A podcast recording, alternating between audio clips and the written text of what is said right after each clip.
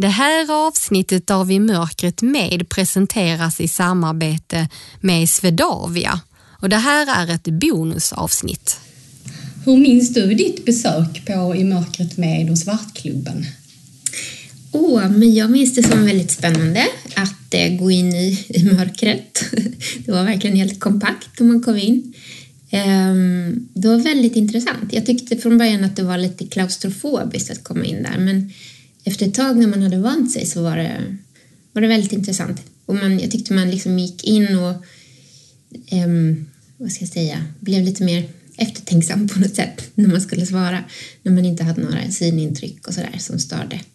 Det var en, det var en cool upplevelse. Och så tyckte jag vi hade ett bra samtal. Även om jag, om jag ska vara helt ärlig så minns jag inte helt och hållet eh, allt vi pratade om. För det känns som det har hänt mycket sedan vi pratade sist i mitt liv. Eh, nej, det är ju ett tag sedan eh, som, som du var på Svartklubben och i mörkret med. Eh, och vi ska backa tillbaka och höra hur det lät då innan vi ska höra vad som har hänt då under de här ett och ett halvt åren.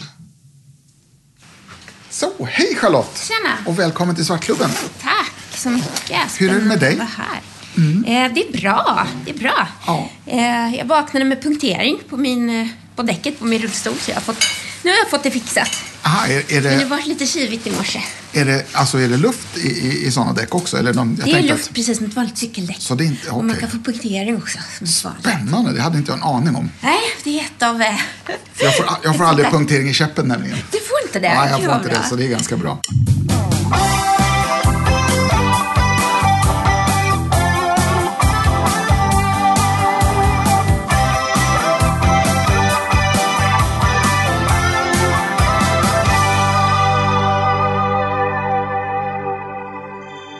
Välkommen till I mörkret med, podden som spelas in i totalt mörker på Svartklubben i Stockholm. Jag heter Anna Bergholtz. Det här är ett speciellt avsnitt, nämligen vårt första bonusavsnitt. Och extra speciellt eftersom det här var det första avsnittet som vi spelade in. En så kallad pilot där vi testade tekniken och formen för podden innan vi bestämde oss för att köra igång på riktigt. Gästen är också extra speciell. En riktigt härlig och inspirerande person som jag lärde känna under ett moderatorsuppdrag för Stockholms läns landsting när hon jobbade där. Då fick jag ta del av hennes historia som du också ska få göra nu. Bara några dagar innan en jobbintervju i USA hände det som inte får hända. Hon föll sex våningar och skadade sig svårt och lever idag med en ryggmärgsskada. Vi pratar om den livsförändringen och kommer också in på Ulfs och min synförlust. Det handlar också om intresset för mode, neurovetenskap, om en fyrbenta vän och om framtidsdrömmar. Och kom ihåg att lyssna vidare även om avsnittet tycks ta slut. För vi har följt upp då med ett inslag från nutid. Och på ett och ett halvt års tid har det hänt en hel del kan jag lova. Om livets höga berg och djupa dalar och om sorg och lycka sida vid sida. Det här är I mörkret med, biomedicinaren med bakgrund inom hjärnforskning. Mamman, fightern och för mig en stor förebild, Charlotte Sjöberg. Och du har inte varit här på Svartklubben förut? Nej, det har jag inte. Nej. Eh, Jag har en kompis som har ätit här. Hon sa att det var en spännande upplevelse. Och att hon var helt slut när hon gick härifrån, sa hon. För att hon liksom hade fått använda så många sinnen som hon inte var van vid. Hur tror du det här ska bli nu då? Att prata i mörkret och så? För du ska inte kanske äta så jättemycket. Utan... Nej, nej. Eh, du, det ska bli väldigt spännande. Jag är förväntansfull. Jag kan tänka mig att det blir liksom... Ja, att det blir på ett annat sätt än när man liksom... När man, när man har synen att eh, hänga upp sig på. Nej, men jag vet inte riktigt. Jag är väldigt öppen eh, och tycker det ska bli jättespännande. Hörru, Då tycker jag att vi går in och, och, och letar rätt på Anna och, och, eh, och kollar in hur Det mörkret låter är. bra. Du kommer få guida mig lite. Ja, det är självklart. Men till att börja med så, så följer du efter mig. Du får också säga om, om, om det är något särskilt du tänker på som jag Ja. ska göra eller inte göra. Bra, då ska vi gå in i slussen här borta. Ja. Ja, komma. Så nu, nu, när du kommer in här i slussen så sluttar det lite nu då. Ja, men än så länge ser jag. Mm, det är bra, men här sluttar det då. Det är en ja. decimeters fall här ungefär. Och där är du inne, då stänger jag bakom dig. Ja. Och så blir det lite mörkare. Jag, jag kände direkt att det nästan var lite läskigt där. Ja, men vet du man kan behöva ibland ta ett lite djupt andetag. Ja. Och, och alltså första hjälpen här inne, det är ju egentligen att man kanske blundar. Ja, För om du blundar, då blir livet precis som vanligt. Då, det, då ser du inget liksom. Och, så jag brukar säga som första hjälp på Svartklubben, då är det alltid blunda och fortsätt att andas. Ja. Med andas är jätteviktigt. Det där med andningen är en bra Ja, det är en bra tips. Det hjälper oss nästan i alla lägen i livet om man andas. Och så öppnar vi nästa dörr och så går vi in i restaurangen. Ja. Eh, Känns det jobbigt för dig när jag säger går förresten? Eller är det Nej, som nej, i blindvärlden är det så?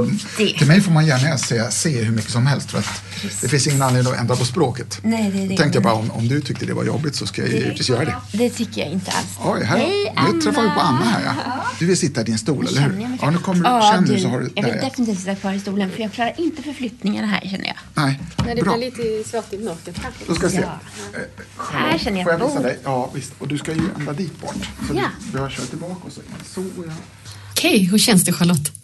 Jo, men det känns kul. Ehm, det är verkligen kolsvart här inne. Det är liksom inte ett sånt mörker man är van vid när man släcker lampan, utan det är, det är verkligen som ett tjockt, tjockt mörker. Jättevälkommen hit. Tack så mycket. Vem är du Charlotte? Oj, vem är jag? Ehm, en 34-årig, snart 35-årig, ja, svensk tjej, eh, uppvuxen i Skåne och bor i Stockholm. Ehm, jag älskar neurovetenskap, lite nördig när det gäller hjärnan. Jag har en liten hund som heter Gucci, Jag älskar djur lite generellt. Jag är uppvuxen, en riktig hästtjej från början, uppvuxen med egna hästar och tävlat mycket och så. En annan sak som eh, är rätt så påtaglig när man träffar mig idag är att jag var med om- om en olycka för fyra år sedan och fick då en ryggmärgsskada och blev förlamad. Från midjan och ner så jag använder mig av rullstol för att ta mig fram. Ja, mer. Jag älskar musik, jag älskar att laga mat, jag älskar mode och kläder. Eh, Om jag säger så här, eh, när du trivs som fisken i vattnet, Mm. när är det? Det är nog ehm, om jag får ehm, bjuda en eh, bra vän på en god middag som jag har tillagat och lagt ner ganska mycket omsorg på. Vi tillbringar kanske hela kvällen tillsammans i intressanta diskussioner. Gärna med bra, lite dämpad musik i bakgrunden. Jag blev ju jättenyfiken på vad det är ni pratar om, vad det är för musik och vad ni äter. Ja, eh, jag skulle bara säga att en annan situation där jag trivs som fisken i vattnet är verkligen när jag seglar. Men för att återgå till den första frågan. Alltså, eftersom jag tycker att det är så kul med eh, hjärnan och neurovetenskap och så. Jag tycker även att det är väldigt roligt med filosofi. Så tycker jag att det är väldigt spännande att diskutera vad ska jag säga, the theory of the mind. Vad är det egentligen som utgör det som vi upplever som vår person eller vår själ eller våra tankar. Kan man reducera känslor och tankar till kemiska processer som, och nervsignaler som, som eh, händer i vår hjärna? Eller, jag tycker det är spännande att tänka på att man kan reducera det till det men samtidigt finns det ju naturligtvis en ytterligare en dimension. Jag tycker att det är väldigt spännande att diskutera det där på ett filosofiskt plan. Sen tycker jag om diskussion i största allmänhet och lära mig nya saker. Jag kan till exempel inte så mycket om politik. Därför tycker jag det är kul att diskutera det med någon som kan. Vad heter ni? Mm, jag är en jäkel på att göra en bra bouillabaisse faktiskt, om jag får säga det själv. Mm. Så det är inte omöjligt att vi heter det. Mm. Jag tror att Ulf är på ingång med lite på tal om mat och dryck och så, kanske någonting. Kan det vara så Ulf? Jaha, lite vatten får gärna komma. är det så att jag ska få prova att äta något alls i det här mörkret? Jag vet inte vad Ulf har hittat på faktiskt. Jag hörde bara att han prasslade och klingade lite med porslin och grejer. Alltså, Ja. Jag vet inte heller Charlotte. Nej, så spännande. Men för mig är det här vardag. För dig det. är det nytt. Ja, Ja. Charlotte, ja. det, blir inte så avancerat här. Nej. För det, jag tror att det, det skulle bli trixigt. Det här känns som en iskall flaska. Ja, Jag hoppas inte att det är öl. Nej, det är För det tycker jag inte om. Det är mineralvatten. Ja, Funkar det? Det funkar jätte... Och då, nu är vi visserligen i ett mörkt rum så ingen ser hur du gör, men jag tycker ändå att vi ska ha ett sånt där Ja, glas och även en kapsylöppnare. ja, härligt. Titta vad jag kan. Det gick fort. Se om jag träffar rätt också. Där. Jag vet ju inte när glaset är fullt, men jag tar det säkra före det osäkra. Ja, men vet du vad? Eller- Det man kan göra när man ska hälla till sig själv, Nej. det är ju att man kan sticka ner ett litet pekfinger någonstans en bit ner bara så man har det som någon slags eh, Det är sant alltså. måttstock för hur det... Jag märker så här med en gång att man blir mer uppmärksam på ljud. Hur vattnet låter när man häller upp det. Men det låter väldigt fint. Ja. Och ni mittemellan er, mitt på bordet, så ställer ett litet fat. Så får ni väl utforska det och se om det är någonting som ni vill stoppa. Jag låter er. dig börja Charlotte. Jaså? Hoppas inte jag fingrar på maten nu. Här känner jag. Det känns som en kaka tror jag. Jag vet inte. Och jag känner att det luktar som havrekaka. Är det där din, eh, den här hästanknytningen kommer in? Med havre menar jag. Mer barndomsminnen tror jag. Det är någon slags eh, dubbel kexvariant med någonting emellan tror jag va? har, du, har du smakat det. Charlotte? eller? Nej, jag har inte det. Jo, du har nog rätt Anna.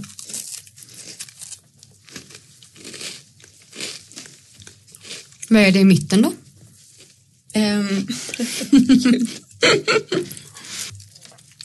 Vad tror du? vanilj tror jag va? Eller? Ja, kan det vara det? Det tror jag. Det, det är Ulf som sitter inne med facit. Mm. Vet du vad? Jag tror att det är körbekakor. Men det var intressant. Är det så när man beställer mat här att man inte vet vad det är man får in? Ja, det kan man väl säga. Det är, vi har alltid en, eh, en hemlig meny. Så att man bokar liksom in den mängd man vill äta Okej, på Svartklubben. Och, alltså hur många rätter eller så? Ja, en, en Två kilo. varmrättsmeny eller trerättsmeny är ju det man bestämmer sig för. Men berätta Charlotte, var det sommaren 2012 som Ja. saker och ting förändrades i ditt liv? Precis. Ska börja från början så är det så här att eh, jag har i omgångar bott i USA. Eh, gjorde min masteruppsats i Baltimore och på Johns Hopkins University och sen lite senare så bodde jag i Miami och forskade där på stipendium. Då träffade jag en kille som heter Ram, bodde i Atlanta och var nere i Miami på semester och vi eh, blev ihop och pendlade fram och tillbaka till Atlanta och sådär. Och jag hade planer på att flytta dit. Jag har en masterexamen då i biomedicin och skulle på intervju på ett läkemedelsföretag eh, i New York. Så jag flög till RAM i Atlanta och intervjun var den 7 juli. Men vi hann inte så långt därför att eh, den första juli så hade vi så hade vi varit ute på restaurang och ätit och kom hem sent. Vi hade fortsatt till någon nattklubb och kom hem vid tre på natten. Och Ram bodde i ett område i Atlanta som heter Buckhead och i ett jättehögt hus, typ på 30 och 40 våningen. Och han parkerade i parkeringsgaraget på sjätte våningen. Och under tiden så gick jag fram till kanten för att titta ner. Jag har lite minnesluckor av vad som hände där. Det var mörkt, jag hade höga klackar, kanten var väldigt låg, konstigt nog, eh, när vi var så högt upp och även trasig. Eh, så jag rasade där, tappade balansen och fick tag i kanten och blev hängande. Och minns att jag skrek i panik på Ram som kom rusande och bad mig att släppa taget och ta hans händer istället. Eh, och det var väldigt, väldigt varmt i Atlanta. Eh, även på natten och på dagen var det över 40 grader. Så att vi var liksom båda svettiga och jag minns känslan av eh, att våra händer glider liksom. Och insikten om att jag skulle falla. Hur mycket hinner man tänka? Ja, Hur mycket hann man hinner tänka ganska mycket. Just de där sekunderna innan jag föll.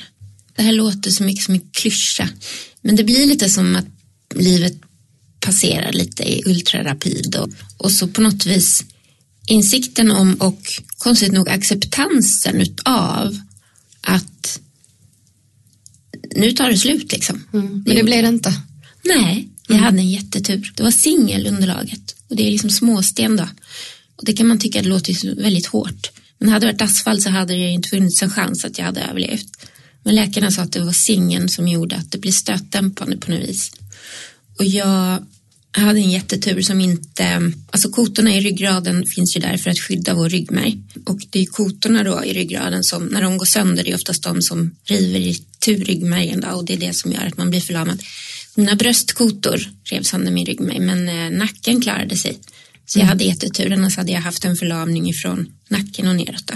Men hur som helst så har jag förstått i efterhand att traumat blev ju Rams ganska mycket, för han var ju, upplevde ju alltihopa det här.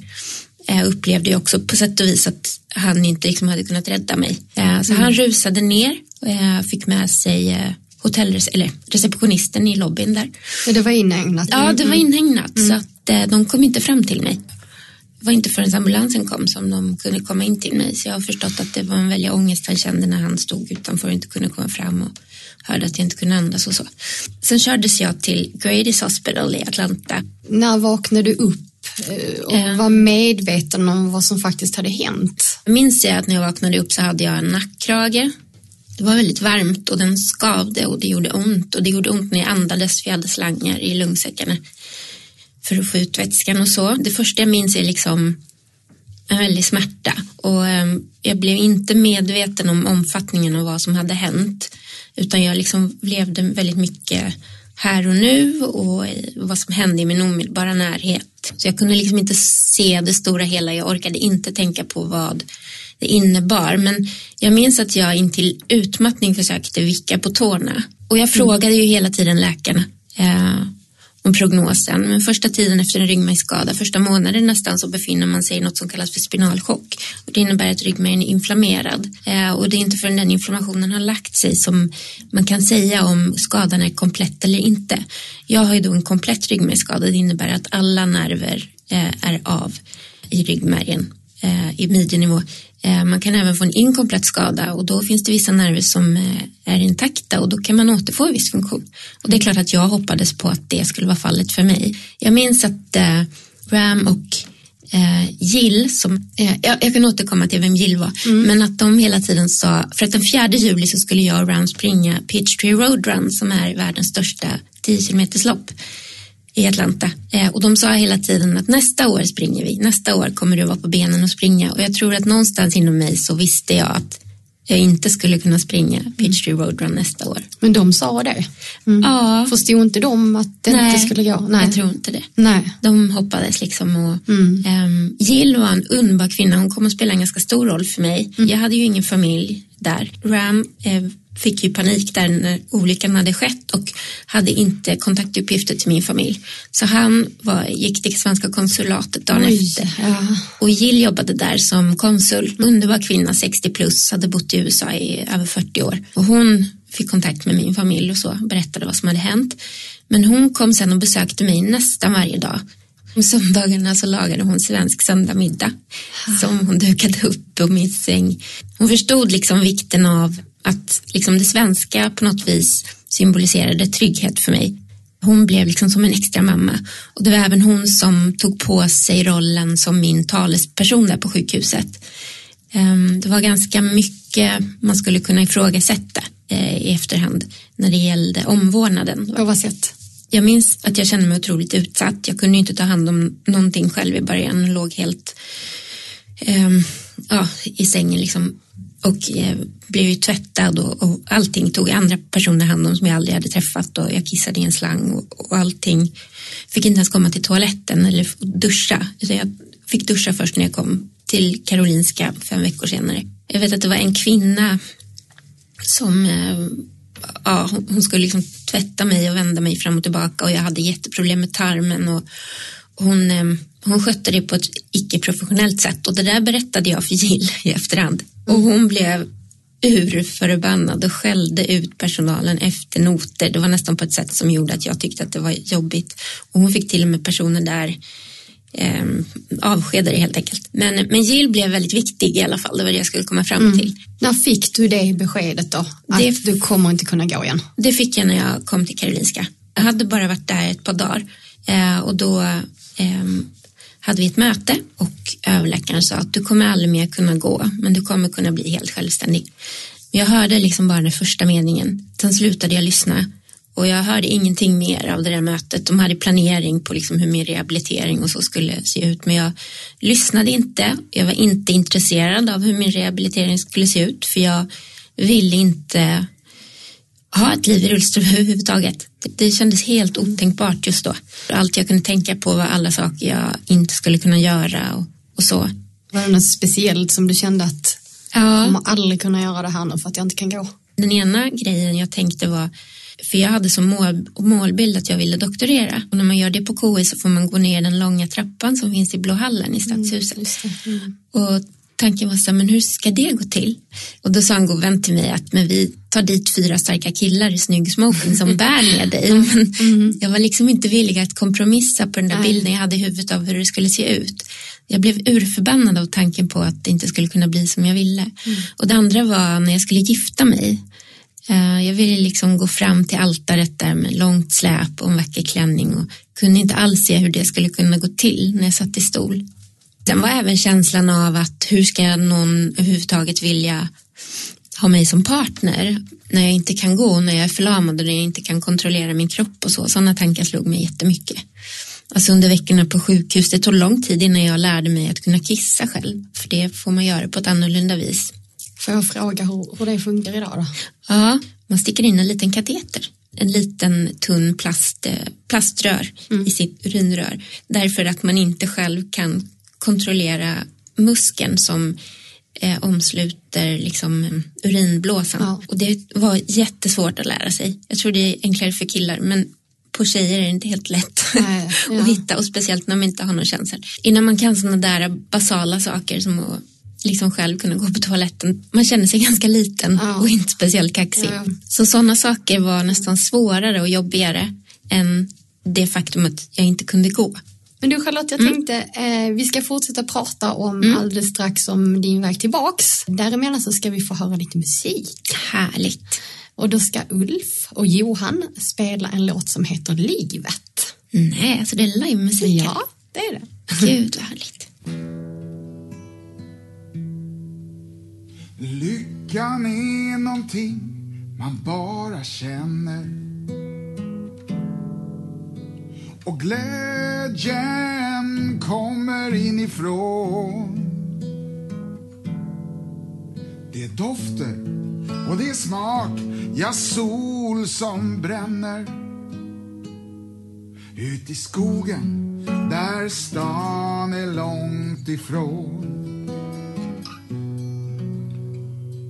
I en tid där allting rusar runt omkring oss så är det väldigt lätt att tro att om jag såg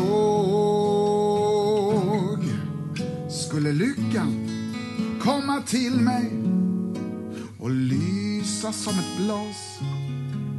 Men enbart syn ger inte plats på lyckans tåg. Veta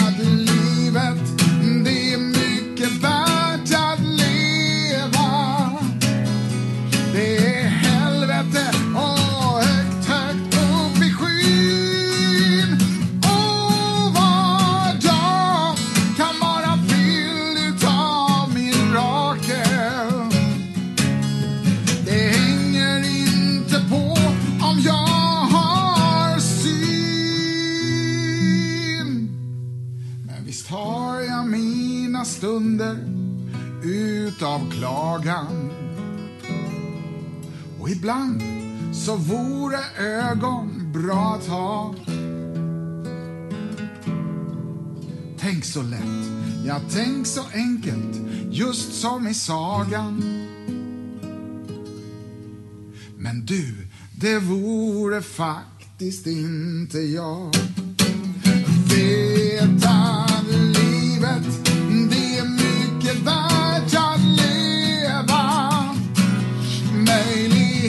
them.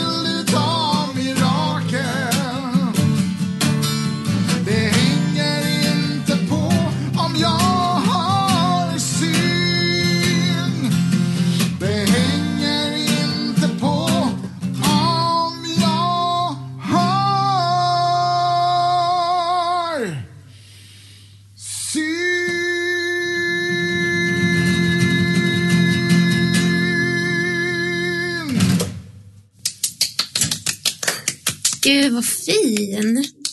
Ja, Jättevacker Vad låt. tänker du Charlotte? Jag tänker att det hänger inte på om man kan gå heller. Jättefin verkligen. Jag kan relatera till, till texten. Ja. Varför kan du relatera till texten? Eh, idag kan jag det.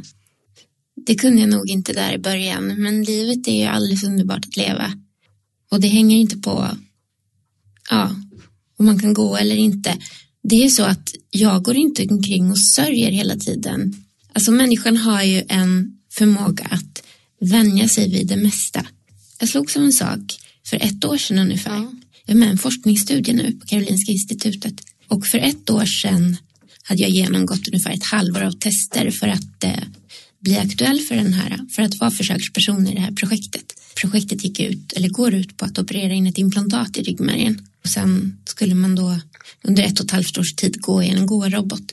Och för ett år sedan ungefär så skedde lottningen och i ett forskningsprojekt behöver man ju även kontrollpersoner, det vill säga personer som inte skulle få implantatet men som skulle genomgå samma gåträning i den här roboten.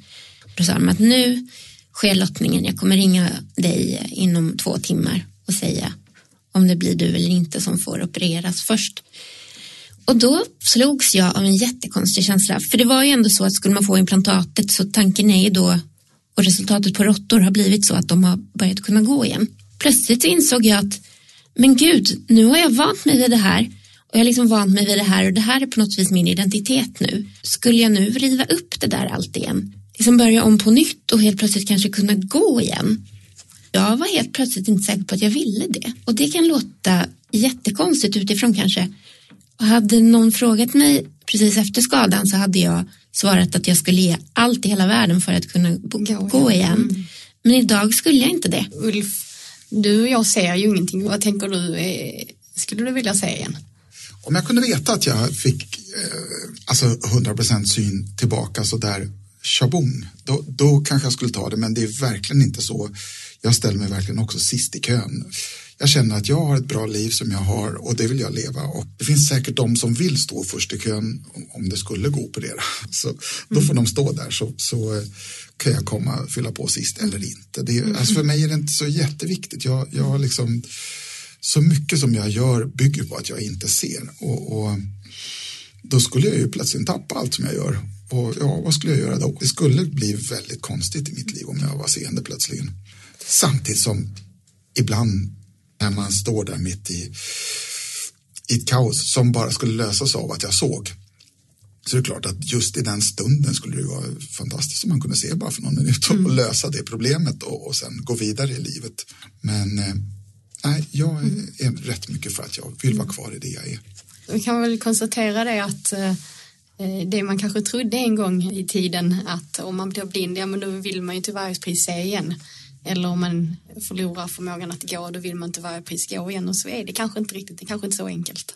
Jag, jag skulle gärna reflektera lite till därför jag tappade synen långsamt under tio år. Och under de tio åren så, så gick jag runt i en enda stor förnekelse. Jag, jag låtsades vara seende hur lite jag än såg. Så Vad jag, gjorde du då, Ulf? jag kom på att jag gick in i väldigt mycket saker och slog mig väldigt mycket. Och det var, inte, det var, det var det absolut jobbigaste med hela. Alltså jag hade en liten plastpåse som jag dinglade framför mina ben. Med. Så jag hade alltid en plastpåse med och en gick så hade jag en plastpåse. För en vit käpp kunde man inte ha, då syntes det att man såg dåligt. Så det, det hade jag ingen. Jag gick med den där påsen tills då en dag när det som sagt var när det inte gick längre.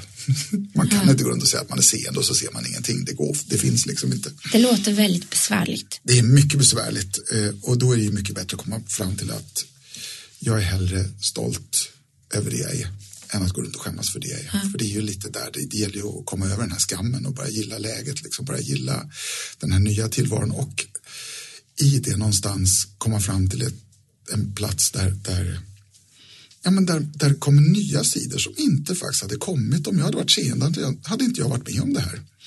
Eh, För de kommer ju de, de ställena, de kommer ju efter ett tag om man bara vågar vänta in dem och vågar öppna upp sig för dem. Och, och, så det tror jag är viktigt att göra.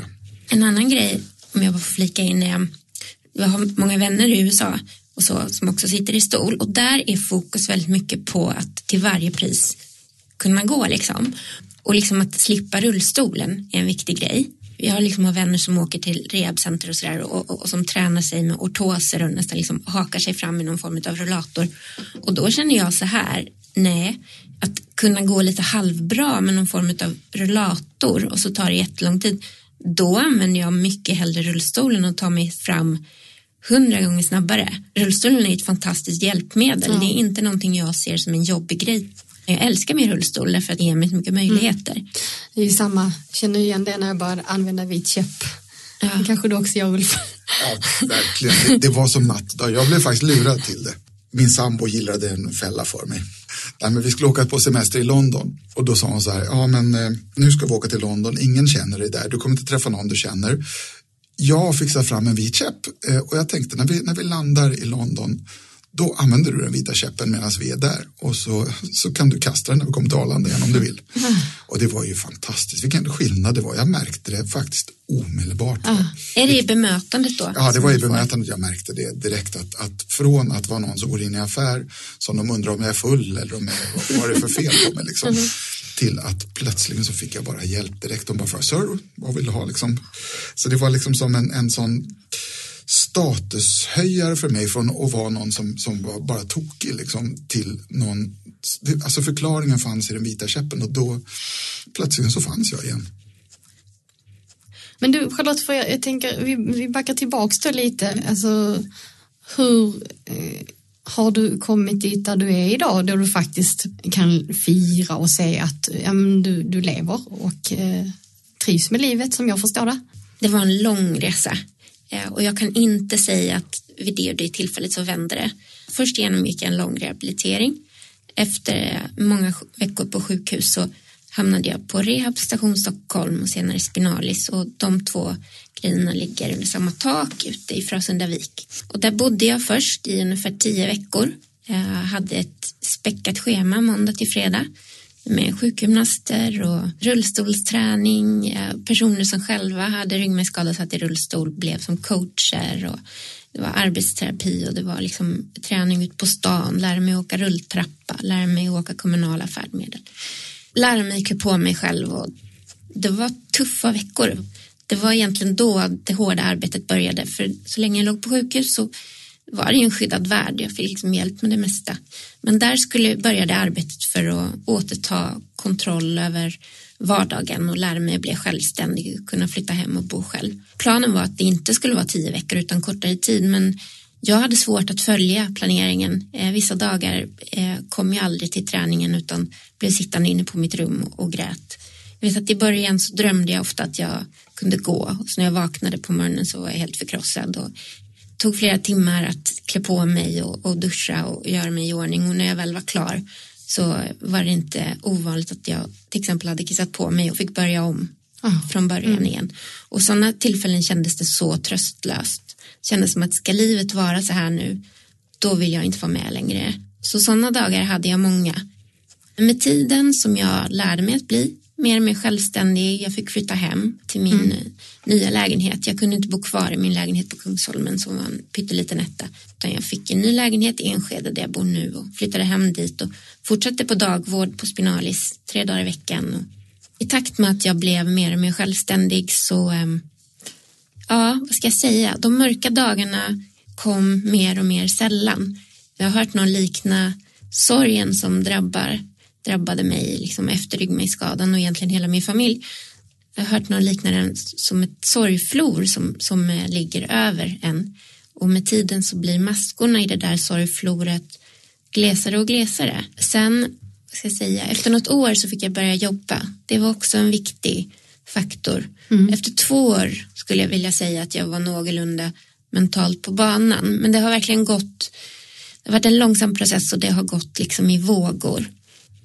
Finns det något som har betytt extra mycket för att eh, ja, ta det tillbaks? Absolut. Dels att få börja jobba, dels att träffa så många olycksbröder och olyckssystrar som har brutit nacken och ryggen före mig som jag har träffat främst på Spinalis. Då.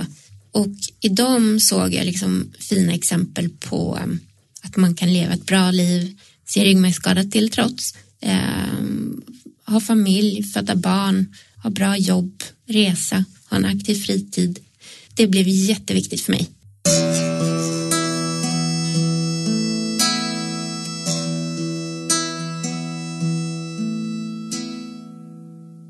Charlotte, jag har faktiskt en liten present till dig. Nej, Jo, gud vad spännande. ska du få se om du kan känna här vad det är för någonting. Nu ett kort avbrott för att möta vår samarbetspartner Swedavia och Maria Akrén, en av teamcheferna för ledsagning på Arlanda. vi vill gärna missionera för det här med att alla kan resa och, eh, och vi har ju sedan många år ett samarbete med Spinaliskliniken här i, i Stockholm där eh, människor som har fått en eh, rygg eller nackskada eh, får rehabilitering. Och som en del av deras rehabilitering så kommer de ut till oss på Arlanda och eh, vi visar dem hur det går till.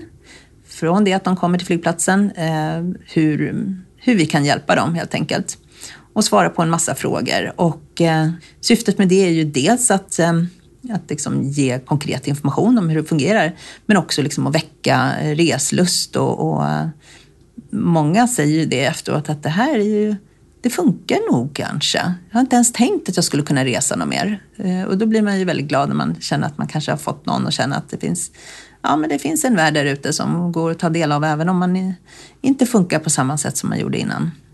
Sen gör ju de varje år en eh, rehabresa till Florida. Och då brukar vi vara med och hjälpa dem ombord. De är ju många som reser då väl? Ja, de reste iväg här i förra veckan. Då var de väl 24 tror jag. Men Ja. det brukar funka jättesmidigt. Då har ju vi en tät dialog med flygbolaget och ser till att vi får börja ombordstigningen i god tid. För det är klart att det tar lite tid. Men eh, de 24 som vi hjälpte här nu, de fick hjälp ombord på 50 minuter. Och två minuter per resenär när eh, en väldigt stor andel av dem behövde lyfthjälp, det, det var vi väldigt nöjda med. Men det kräver ett samarbete med alla runt omkring. Så att vi behöver kommunicera med många olika aktörer att nu behöver vi lite extra tid. Vi behöver vara klara för ombordstigning en timme i förväg kanske, mot normala 40 minuter. Ja, och då, sen ska alla rullstolarna ombord i Jajamän. Och då är det ju väldigt bra att man har märkt upp alltihopa. Det har hänt att sådana här eh, gruppers rullstolar har plockats isär eh, på den, inte på Arlanda, utan på den flygplats man har rest ifrån. Och så när man öppnar bagageutrymmet så är det som plockepinn när man ska försöka få ihop alla hjul med rätt rullstol och eh, benstöd och eh, sidostöd och sådär. Så att eh, om man kan märka upp delarna till sin rullstol så, så har man en bra, en bra chans att få till det rätt. Känner du, du här? Var är du någonstans? Eh, ja, ja. Nu ska vi se. Tar jag på dig nu? Nej. Nej.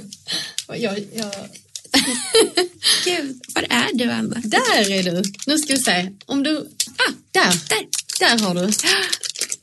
Där. Ska vi se om, om du kan känna vad det är för någonting och varför du tror att du fått just det. Får jag öppna den? Ja, kan du göra. Jag tror att du kan känna igenom. Går du att öppna? Du, vet du vad jag tror att det här är? Jag tror att det är ett hundben. Du tror det är hundbäng? Ja. Ja. Ja, men det är det. Och då förstår jag vad du är ute efter. För det är så här att, eh, tack snälla, eh, på, på Guccis vägnar, tackar jag så mycket, han kommer älska det. Det är så här att när jag fortfarande mm, var inskriven och bodde på Rehabstation Stockholm, så var jag hemma på permission ibland. Och då var det en färdtjänstchaufför som körde mig ganska ofta och vid något tillfälle satt jag bak i bilen och snyftade och var allmänt låg. Och då sa han till mig, men Charlotte, du kanske skulle ta hand om en hund. och jag har liksom haft en dröm om att ha egen hund sedan jag var pytteliten. Så jag eh, nickade på huvudet och snyftade fram. Ja. och så sa han, vi svänger inom mig innan vi eh, kör hem dig så får du träffa Gucci, min dotters hund. Och det gjorde vi och Gucci rusade in i färdtjänstbilen kommer jag ihåg och hoppade upp i mitt knä. Han är en liten chihuahua papillonkorsning. Och av olika omständigheter kunde de inte ha kvar honom. Meningen var först att jag bara skulle ta hand om honom lite grann. Men nu har han varit hos mig i fyra år. Så han stannade och han har varit också väldigt betydelsefull. Han är jättebetydelsefull fortfarande. Men han var väldigt betydelsefull första året. Därför att eh, jag fick någon att ta hand om och jag fick liksom en anledning till att gå upp ur sängen på morgonen trots att jag helst eh, ville dra täcket över huvudet och ligga Aha. kvar. Det måste vara kärlek för första ögonkastet. Ja, det är roligt det där alltså med hundar. Eh, hur fort de vänjer sig. Men, men han har sån koll på min rullstol. Hoppar gärna upp. Han har sån koll också på när saker inte är som de ska. Om jag skulle trilla ur min stol, då ger han alarm. Hur gör han då? Han är inte stor, men han har en stark pipa. Och han känner direkt om det är något som är fel. Ja, det är Så, fantastiskt. Han är min lilla Mm. livvakt också känner jag när jag är ute och rullar sent på En sån liten. Charlotte, du och jag känner ju varandra lite grann. Ja. Och vi har ju ett gemensamt intresse som jag tänkte Ja. att vi skulle beröra lite här eftersom vi nu är i totalt mörker och både du och jag är ganska intresserade av mode och kläder och det är ju sånt som syns. Ja. Varför har det blivit ett intresse för dig? Jag har alltid varit det. Eh, min mamma har ett väldigt stort modeintresse eh, och ända sedan jag var liten har liksom varit eh, kläder har varit ganska viktigt. När jag blev förlamad så skulle jag vilja säga att kläder nästan blev ännu viktigare för mig. Den här första tiden som var så jobbig. För det första, liksom under tiden i Atlantas så blev jag klädd i i en otroligt ful, blommig särk, en skjorta som man drog på sig framifrån, stoppade armarna i, knäpptes bak i nacken och Ja, lämnade de är liksom typ ryggen bak, bar. Ja, för att Ja. det ska vara lätt och liksom Ja. Och det kändes förnedrande. Jag saknade så mycket känslan av lite värdighet och integritet där i sjuksängen. Och jag saknade mina egna kläder. Jag vet att jag tjatade så många dagar på Ram att han skulle ta med min sminkväska hemifrån. Och han tyckte det var helt oviktigt. Varför skulle jag ha med det? Och, jag var så arg på honom för jag kände mig så maktlös och han fattade inte hur gärna jag ville ha dit den. Det kan tyckas kanske lite ytligt men att få ta på sig en god hudlotion och ta på sig lite mascara. Det har liksom aldrig varit viktigare för mig än just då. Det gjorde faktiskt att det kändes lite lättare.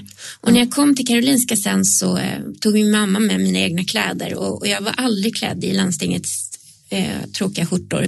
På sjukhuset var det ju mest liksom mjukiskläder och sådär. Men, men sen när jag liksom kom hem igen så vet jag att jag sörjde, lika mycket som jag liksom sörjde min gamla kropp och vad jag inte kunde göra mer så sörjde jag liksom min garderob.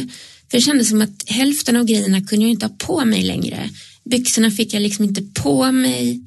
Alla mina höga klackar. Jag fick tips av folk som sa kolla de här sidorna på nätet, de gör speciella kläder för folk i rullstol. Jag var så här, nej men jag vill ju gå i mina gamla butiker, i mina små affärer som jag älskade i Stockholm och små second hand butiker och, och, och ofta var det liksom otillgängligt, jag kom inte in och det var trappor upp och det var trånga dörrar och för mig var det en stor sorg, allt jag inte kunde ha på mig och kappor funkade inte och liksom Hur är det idag då?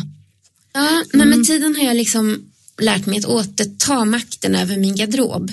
Idag är kläder väldigt viktigt för mig. Jag vill inte definieras av min rullstol. Jag vill liksom att folk ska se mig och inte den. Klä mig på ett sätt som, ehm, som jag tycker om och som gör att jag känner mig fin. Nej, men det stärker mitt självförtroende lite grann, eller självkänsla eller vad det nu heter. Jag tycker att det är viktigt, för om man känner sig ledsen vissa dagar så tycker jag ändå att att man kan må, eller jag eh, kan må lite bättre om jag ändå liksom klär mig eh, på ett sätt som gör att jag känner mig fin. Mm. Jag kan ju känna igen mig i det men en del kan ju bli väldigt provocerade av det och tycka att det är ytligt. Jag tycker att, ehm, sen menar jag inte att alla måste vara intresserade av mode, men för mig i alla fall kläder är ett sätt att uttrycka mig, visa vem jag är. Vad har du på dig nu Charlotta? Jag har faktiskt eh, en, eh, en klänning, den är lite Chanel-inspirerad, kortärm. Ehm, den är stickad i eh, mörkblå, beige, lite guldtråd också, liksom finstickad. Så att, Det låter snyggt. ja, så det är det två fickor fram till. Men du Charlotte, vi ska börja avrunda. Ja, Eh, jag tänkte jag ska ställa lite snabbfrågor till dig. okej. Te eller kaffe? Kaffe. Det var snabbt svarat. Ja, Mm. stor kaffe. Eh, Om det inte är på kvällen, då vill jag ha te. Okej.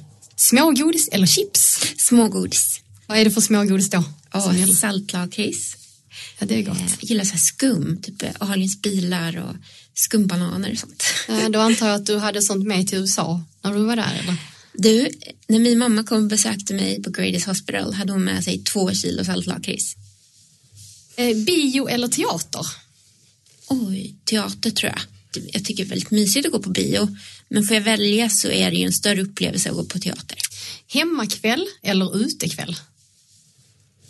Hmm. Förut skulle jag helt klart svara utekväll. Nu låter jag jättemossig om jag svarar hemmakväll. Um, ja, det är ju roligare med utekvällar, det får jag säga. Men varför lutar det lite åt hemmakvällen då? Ja, men det, är ju mysigt, men då, då vill man ju också ha härligt sällskap. Ja. om jag har en partner så tycker jag att det är väldigt mysigt med hemmakvällar. Men just nu är jag singel så då är det nog roligare med utekväll. Klänning eller byxor? Klänning. Kommer vi till kläderna? Ja, klänning. klänning. Ja, jag älskar klänningar. Bekvämt plagg också. Lyssna på musik eller sjunga själv? Eh, jag gillar båda. Men eh, nej, det blir nog lyssna på musik. Däremot har jag alltid eh, under många, många år sjungit i kör. Jag tycker det är roligt att sjunga. Nu senast kan jag stolt säga att jag fick sjunga på um, min syster dotters sons eh, dop. Du kanske skulle sjunga lite Mulf innan vi går då? Nej, inte i podd. Men annars, lyssna på musik är något jag gör otroligt stor del av min vakna tid. Var det något viktigt också? Otroligt. Med din resa tillbaks? Ja, mm. alltså musik har spelat en jättestor roll för mig. Har du någon speciell låt? Som det här är min pepplåt som du lyssnar mycket Flera, men faktiskt en um, jag tycker mycket om som heter Där ser du själv hur högt du når med Lisa Ekdahl. Om hon faller finns jag där Sen ska jag lyfta hennes händer och säga Där ser du själv hur stark du är Okej, vi fortsätter. Mm. Globetrotter eller landställe? Alltså att resa runt en massa. Mm. Um, Globetrotter. Jag mm. älskar att resa. Tv-program då? Debatt eller Idol? Jag har tröttnat på Idol. Uh, det blir debatt. Kött eller vegetariskt? Vegetariskt. Är du vegetarian? Nej, jag har varit när jag äter själv, alltså hemma, mm. då äter jag nästan alltid vegetariskt. Vintersemester eller solsemester? Solsemester. Det var klockrent. Ja, absolut. Mm. Älskar värme och sol. Jag har åkt skidor efter min skada, men det är typ det svåraste jag har gjort i hela mitt liv. Sitski. Mm. Uh, och det är kul, men det är ju väldigt omständigt med snö alltså. Så att nej, mm. solsemester. Eh, laga mat eller äta mat? Laga mat. Ja. Det, det låter som att du och jag passar ultimat ihop. Du kan laga maten så äter jag. Ja, ja. Jag brukar i och för sig äta den mat jag har lagat också. Men jag ja. älskar matlagning. Jag står gärna i timmar. Vad är det som är så roligt med att laga mat? Jag förstår inte det. Alltså jag tycker att det är nästan lite som terapi och avslappning. Sen tycker jag nästan att det är lite som att måla. Jag tycker mycket om att måla. Och att laga mat och kombinera kryddor och det är lite som att liksom välja färger från en palett och blanda till Okej, sista. Deckare eller självbiografi? Oh, um, alltså det är få saker som är så mysiga som att grotta ner sig i en deckare alltså. Det är det ju. Å andra sidan, självbiografier är ju härliga. Nej, det får nog ändå bli självbiografi alltså. Jag tycker om att läsa självbiografier om människors liv. Man kan lära sig saker och så. Mm. Har du funderat på att skriva om ditt eget liv? Ja, det har jag. Eh, jag älskar att skriva. Samtidigt känns det så här, oh, men vem är jag och vem är intresserad av att läsa om mitt liv? Men eh, nej, jag har det. Jag vet inte om jag ska gå in på det, men när jag var yngre så led jag väldigt många år av ordentligt svår anorexi och var inlagd under många år till och med på slutenvård och under tvång till och med i perioder. Okej, um, så pass illa? Mm. Ja, det var riktigt illa. Det var mm. på gränsen till att, att vara kört där ett tag. Egentligen skulle jag kunna tänka mig att skriva både om den resan och om den resan som jag har gjort senare. Och jag vet att jag funderade där i början på att gå ut och prata i skolor och så också om ätstörningar för det är ett ämne jag brinner mycket för. Men ja, vi får se. Ja, det låter ju spännande, tycker jag att du ska göra. Charlotte, hur ser du på framtiden nu? Jag har ju många mål um, som jag vill uppnå, men eh, jag ser positivt på framtiden, absolut. Jag vill hitta en partner och bilda familj och jag vill få ett roligt jobb. Två eh, parallella vägar ser jag framför mig rent yrkesmässigt. Dels vill jag nog forska eh, eh, gärna inom ryggmärgsskador. Jag har ju alltid hållit på med neurovetenskap då. Mm. Eh, men då främst eh, hjärnan har jag fokuserat på. Men det är klart att jag har blivit intresserad av ryggmärgen. Den andra parallella vägen som jag håller på att utveckla nu. Jag vill ju använda mig av min medicinska bakgrund, min kunskap men skulle vilja skriva lite populärvetenskapligt. Så jag håller på att plugga lite webbaserad kommunikation och håller på att eh, starta upp en blogg om aktuell forskning till att börja med inom ryggmärgsskadevärlden men försöker skriva då på ett eh, populärvetenskapligt sätt som gemene man kan förstå. Spännande. Charlotte, vi ska avsluta med lite musik ja. Eh, och vi vill ju tacka jättemycket för att du kom Ja, men tack för att jag fick komma. och dela med dig av din historia som är jätteinspirerande tycker jag. Tack och lycka till. Ja, men tack så mycket. Ulf, vad är det för låt vi ska få höra? En låt som heter Se med hjärtat, en låt som jag skrivit tillsammans med en fantastisk dansk blind artist som heter Håk.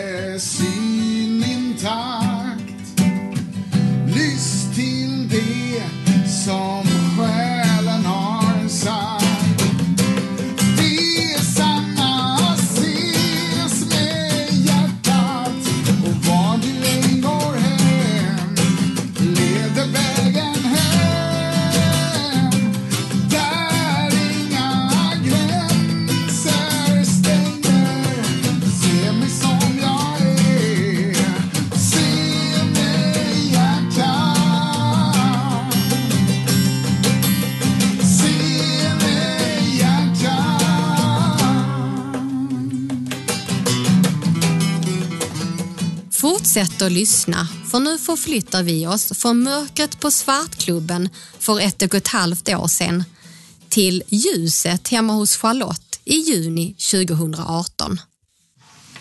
Sist vi träffades på Svartklubben så pratade ju du Charlotte om framtiden, om att du ville bilda familj, att du ville träffa en partner, att du ville ha ett roligt jobb. Vad har hänt sen sist? Ja, det har hänt jättemycket sen sist när jag tänker tillbaka. Ehm, jag fann kärleken förra sommaren. Ehm, men jag förlorade honom ehm, igen. Och här sitter jag nu med vår dotter Alicia i famnen. Jag träffade Raoul på ett seglarläger förra sommaren och vi blev förälskade ganska omedelbart. Och vi hade en underbar sommar tillsammans. Eh, Raoul är den mest omtänksamma människa jag träffat i hela mitt liv och han hade ett oändligt tålamod med allt han tog sig för. Eh, han byggde och restaurerade båtar och var en otroligt skicklig hantverkare. Och han bjöd ut mig efter det där lägret och sen, ja, sen föll vi för varandra. Eh, och när sommaren höll på att gå till sin ända så föreslog han att vi skulle ta hans motorcykel och åka på semester tillsammans. Och först satt jag som ett stort frågetecken och såg framför mig alla, alla bekymmer som skulle komma. Jag är förlamad från midjan och ner och kunde inte alls föreställa mig hur jag skulle kunna åka bak på en motorcykel så pass långt också. Men eh, Ralle han övertygade mig och han eh, svetsade fast fästen på motorcykeln och satte fast packväskor och monterade fast min rullstol där bak och Sen fäste han mina fötter på, på fotstöden med ja, en slags gummiband och jag höll runt hans midja och det gick faktiskt jättebra att åka motorcykel. Vi övade ett par gånger i Stockholmsområdet innan vi gav oss av. Och sen hyrde vi en stuga på Fårö och hade det fantastiskt. Körde runt hela Gotland och han bar mig fyra timmar på ryggen för att han skulle, över Lojstahed för att han skulle visa mig Gotlandsrussen. Det är ett exempel på vilken envis kille han var. Jag tror att hans dotter har ärvt det där faktiskt. och han drog mig över stenstränder och upp på branter för att visa mig utsikten och olika raukar. Och jag hade det fantastiskt. Och det var också där på Gotland som jag började förstå att jag var gravid. Um, och sen körde vi ner till Skåne och jag visade honom Österlen där jag är uppvuxen. Och sen körde vi tillbaka till Stockholm. Så allt som allt så åkte vi väl 200 mil på den här motorcykeln. Och när han hade lämnat av mig där jag bor i Enskede så körde han hemåt.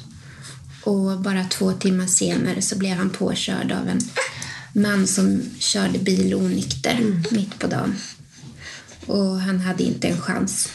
Eh, och den där mannen som körde han kom undan med lite ont i nacken. Så det är väl vad som hände. Och i april föddes vår dotter Alicia som jag sitter med nu. Och hon är det bästa som har hänt mig. Men jag saknar hennes pappa varje dag. Men eh, samtidigt så lämnade han ju en skatt efter sig som jag nu har att förvalta. Och det är väl det jag försöker göra nu. Och Alicia är väldigt lik sin pappa. Det låter ju så här helt otroligt att kan någonting sånt hända? Liksom mitt i den här stora lyckan och så händer det här ofattbara. Mm. Alltså hur, hur har du hanterat det? Ja, eh, jag vet inte riktigt. Och jag vet inte riktigt heller om jag helt har hanterat det. Det har ju gått nio månader nu men jag vet inte. Jag tror att sorg kommer lite pö om pö kanske för att man ska klara av det. Men jag vet att i början så tänkte jag att jag hade hellre brutit ryggen varje dag för resten av mitt liv än, äh, än att uppleva det som hände. Äh, och på sätt och vis så kändes liksom min ryggmärgsskada och det jag har ojat mig efter det, det kändes liksom som att men herregud insåg jag, jag hade ju tur. Jag hade ju tur. Han fick inte finnas kvar. Hösten var ju kaos för alla vi som var runt omkring honom och så. Um, och så hade jag graviditeten samtidigt. Jag tror att det är Alicia som har fått mig att gå igenom det och så. Hon har gett mig väldigt styrka, annars vet jag inte riktigt hur jag hade hanterat det. Utan det har hjälpt mig mycket. Jag har ju henne att, att liksom, ja, fixa saker för och jag känner ett ansvar också att eh, jämte mot honom att jag måste ta hand om hans dotter på allra bästa sätt. Det är det bästa jag kan göra för honom och få hedra honom. Och, och jag kommer att berätta för henne vem han var eh, så fort hon är stor nog att förstå det. Och, eh, han hade en väldigt bra inställning till livet och det här med att allting går. Jag försöker att ta den med mig. Eh, och även om vi inte kände varandra så länge så lärde han mig väldigt mycket och jag försöker ta hans livssyn och hans kraft och hans otroliga ska jag säga, välvilja och optimism och eh, människors kärlek försöker jag ta med mig. Eh, för han lärde mig väldigt mycket och han fick också mig att inse att jag går att tycka om. inse ja. det. För du sa det i intervjun att du hade funderat just kring det att eh, och framförallt i början eh, efter olyckan att åh, vem kommer kunna tycka om mig nu liksom? Ja, jag vet att jag frågade honom det. Eh, har du tänkt igenom det här? Varför väljer du mig? Är det inte mycket lättare om du väljer någon som kan gå? Så du inte liksom, så att du utan att tänka efter kan åka på motorcykelsemester eller göra allt det. Och då sa han att jag har mycket hellre en smart tjej med eh, eh, egenskaper och personlighet som jag gillar än att jag har en tjej som kan gå. Och när man är kär så löser man väl det mesta praktiskt. Liksom. Och mm. han, han sa mycket bra saker som jag tänker på idag. Och jag försöker tänka på det, att han tyckte genuint mycket om mig. Och det här med att jag hade en ryggmärgsskada var liksom sekundärt. Mm. Och han hade mycket idéer om att vi skulle rida denna sommaren uppe i fjällen. Och det tyckte han också, det skulle vi lösa. Det var inga konstigheter. Och jag ska försöka göra allt det där han pratade om med vår dotter när hon växer upp. Jag saknar honom väldigt mycket. Och jag kan tänka mig att även om Alicia är en, är en glädje så måste du ju samtidigt bli påmind varje dag Absolut. Mm. Hon är ganska lik sin pappa. Men det är ju inte en börda att bli påmind. Det är ju bara något fint. Det som hände var ju fruktansvärt, men det vi hade var något fint och hon är ju ett resultat av det. Mm. Det är inte rättvist att man ska ryckas bort i så unga år. Speciellt när det beror på en så otroligt icke okej sak som att köra påverkad. Eh, när han gick bort så eh, donerades ju hans organ. Det vet jag att du berättade så fint om på Facebook som jag läste. Mm. När det nu är så att man inte får behålla sitt liv eh, så är det en fantastisk gåva att ge. Eh, om man kan. Och i detta fallet så gick det. Eh, så han räddade eller hjälpte eh, sex eller sju andra människor ett fortsatt liv. Och det är ju någonting fantastiskt mitt i sorgen. Och eh, jag vet inte hur övriga ser på det, men för mig så har det varit ett slags ljus att rikta blicken mot i ett annars totalt mörker. Det kunde ändå komma någonting gott ur det och det är någonting fint. Sen hade jag en syster som gick bort därför att hon inte fick ett nytt hjärta. Eh, så det kändes lite extra speciellt på något sätt. Ehm, så det här med organdonation har blivit en fråga som står mig varmt om hjärtat. Jag tänker de som lyssnar nu, alltså om man inte har gett sitt godkännande, om man skulle mm. gå bort och vill donera sina organ, vad gör man då? Antingen kan man gå in eh, och eh, i donationsregistret via, via eh, nätet bara och skriva där. Men man kan också bara tala om för sina nära och kära. Det här är min inställning, det här vill jag. Du, du har gått igenom jättemycket. Du förlorade din syster när du var ung och sen hade du ju väldigt svår anorexi själv. Mm. Och sen din olycka och nu den här mannen, din stora kärlek som du förlorade. Alltså hur mycket kan en människa klara av? Det är mycket sorger, tänker jag. Ja, men eh, jag vet inte riktigt om vi fungerar på det sättet, att det blir någon slags stopp. Alltså, man klarar av det man måste klara av. Så är det ju. Man har ju inget val. Vad är alternativet liksom? Att, att sluta leva? Ja, jag ser inte riktigt på det på det sättet. Det är klart att man kan tycka att det är orättvist. Fast det där gynnar ju ingen. Jag tror att man klarar det man måste klara av. Sen kan man ju inte heller kanske jämföra sorger. Att förlora halva sin, eller funktionen i halva sin kropp kan man inte jämföra med att förlora en person. Men eh, jag tror ändå att man kanske, har man gått igenom något tungt förut så kanske man ändå har eh, redskap som man kan använda sig av för att hantera när eh, den här när de här svarta, tunga dagarna kommer. Ja, hur ser livet ut idag då, Charlotte? Ja, det är väldigt intensivt. Ehm, jag kunde inte föreställa mig innan hur det skulle bli. Eh, hur lite tid man har över till annat. Ehm, det är liksom full uppmärksamhet på henne dygnet runt i princip. Jag kan tillägga också att när jag inte är föräldraledig så har jag ett nytt jobb också. Och jag jobbar som forsknings och utvecklings utvecklingskoordinator på stiftelsen Spinalis. Eh, där håller jag på bland annat att skriva en forskningsblogg som handlar om aktuell forskning inom ryggmärgsskador. Så du gör precis det också som du sa då? Ja. För du pratade om att du ville göra en blogg där du på ett populärvetenskapligt sätt då beskrev kring Ja, men det är det jag gör. Eh, så det är kul. Var hittar man den bloggen? Den hittar man på www.ryggmärgsskada.se och under den hemsidan så finns det en flik som heter Forskningsbloggen. När du var med i, eh, i podden så hade vi ju inte hunnit liksom sätta alla ramarna och bestämt vad vi skulle göra i podden och så än. Så du ska få göra en sån sak nu som våra gäster brukar få göra. Kul. Ja, nu sitter vi ju här hemma hos dig Charlotte.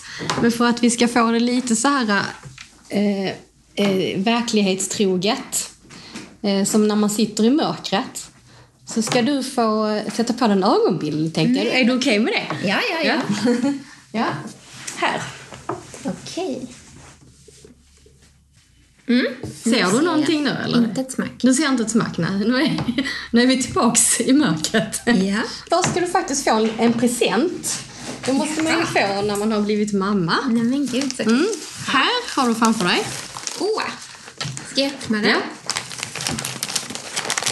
Oj, oj, oj.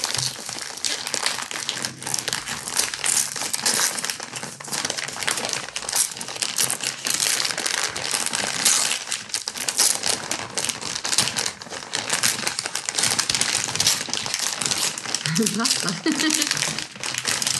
Vi ser om du kan känna vad det är för någonting.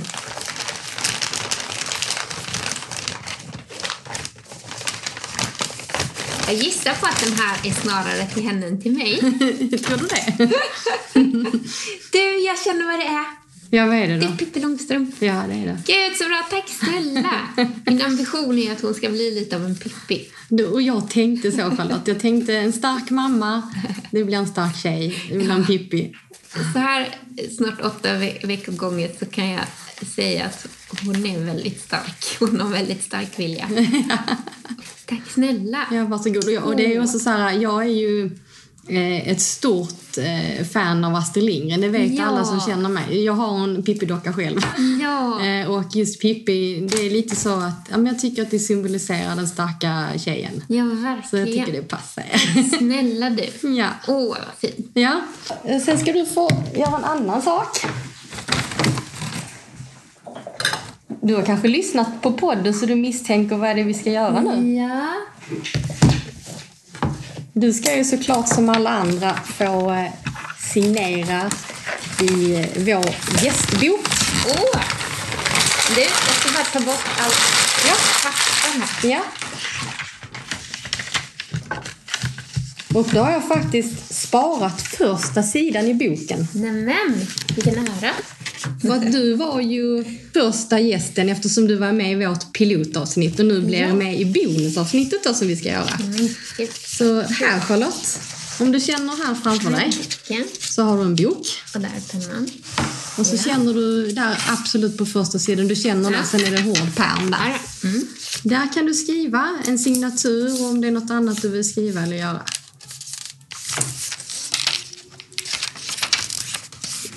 Känner du det?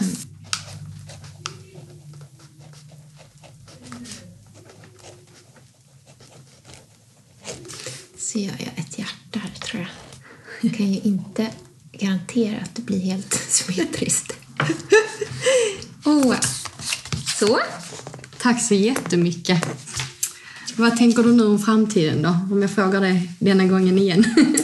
Nej, men nu är jag så fokuserad på den här nya lilla varelsen så mitt mål är väl att försöka ge henne de bästa förutsättningarna att växa upp till en trygg och stark och eh, klok liten tjej som är nyfiken på livet och eh, ja, ge henne de bästa förutsättningarna. Och när hon blir lite större så ser jag fram emot att återgå till jobbet. Nu ska vi ha ett sommarlov, vi ska snart åka ner till Skåne och i slutet av sommaren ska vi ha dop för henne ute i Saltsjöbaden där jag och hennes pappa träffades. Jag, jag lever ganska mycket här och nu faktiskt just nu så att jag har inga såna där om fem år planer utan ehm, är det något som man blir ganska bra på när man har en liten bebis så är det väl att vara just här och nu. Det går liksom knappt att planera morgondagen. Ehm, mm, det lär hon mig faktiskt, att finnas i nuet. Eh, och det är en rätt bra grej. ja. Jag har varit dålig på det innan. Jag har nog, det, ja. ja. Jag har nog levt mycket i det här ska jag göra då och då och då. Eh, Eller tänkt på, på det förflutna och grämt mig över det eller sådär. Mm. Men det är rätt härligt att bara finnas just nu och det är väldigt mysigt att ha en liten bebis. Hej! Hålla.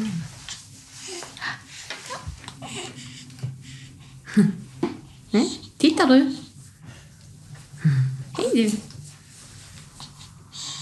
Hur långt ser de i den åldern? Kan, kan hon se mig tror du, på det här avståndet? Ja, hon ser ju dig men hon ser kanske inte helt skarpt. Nej. Jag tror de ser som skarpast 30 centimeter bort ungefär. Men eh, hon ser ganska långt. Hon kan titta ut genom fönstret ibland och, och så. Hon gillar att sitta och titta lite i fjärran så. Hon är lite eftertänksam. Ibland tänker jag när hon sitter och tittar ut genom fönstret att hon nog sitter och pratar med sin pappa.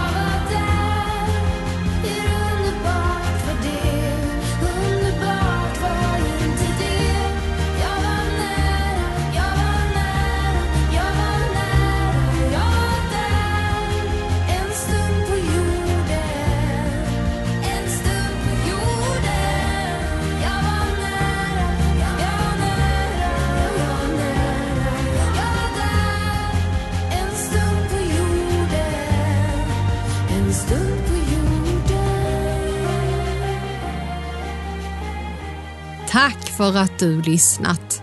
Och berätta gärna vad du tycker om det här avsnittet som är vårt första bonusavsnitt. Det kan du göra på vår Facebook-sida. Du kan också höra av dig till oss på e-post hej imorkretmed.se och vi har en hemsida som är imorkretmed.se. Till musiken i det här programmet kompades Ulf av Johan Häglerud. Ljudtekniker är Jan Dahlqvist. Vi hörs igen om en vecka då ett nytt ordinarie avsnitt av I mörkret med släpps.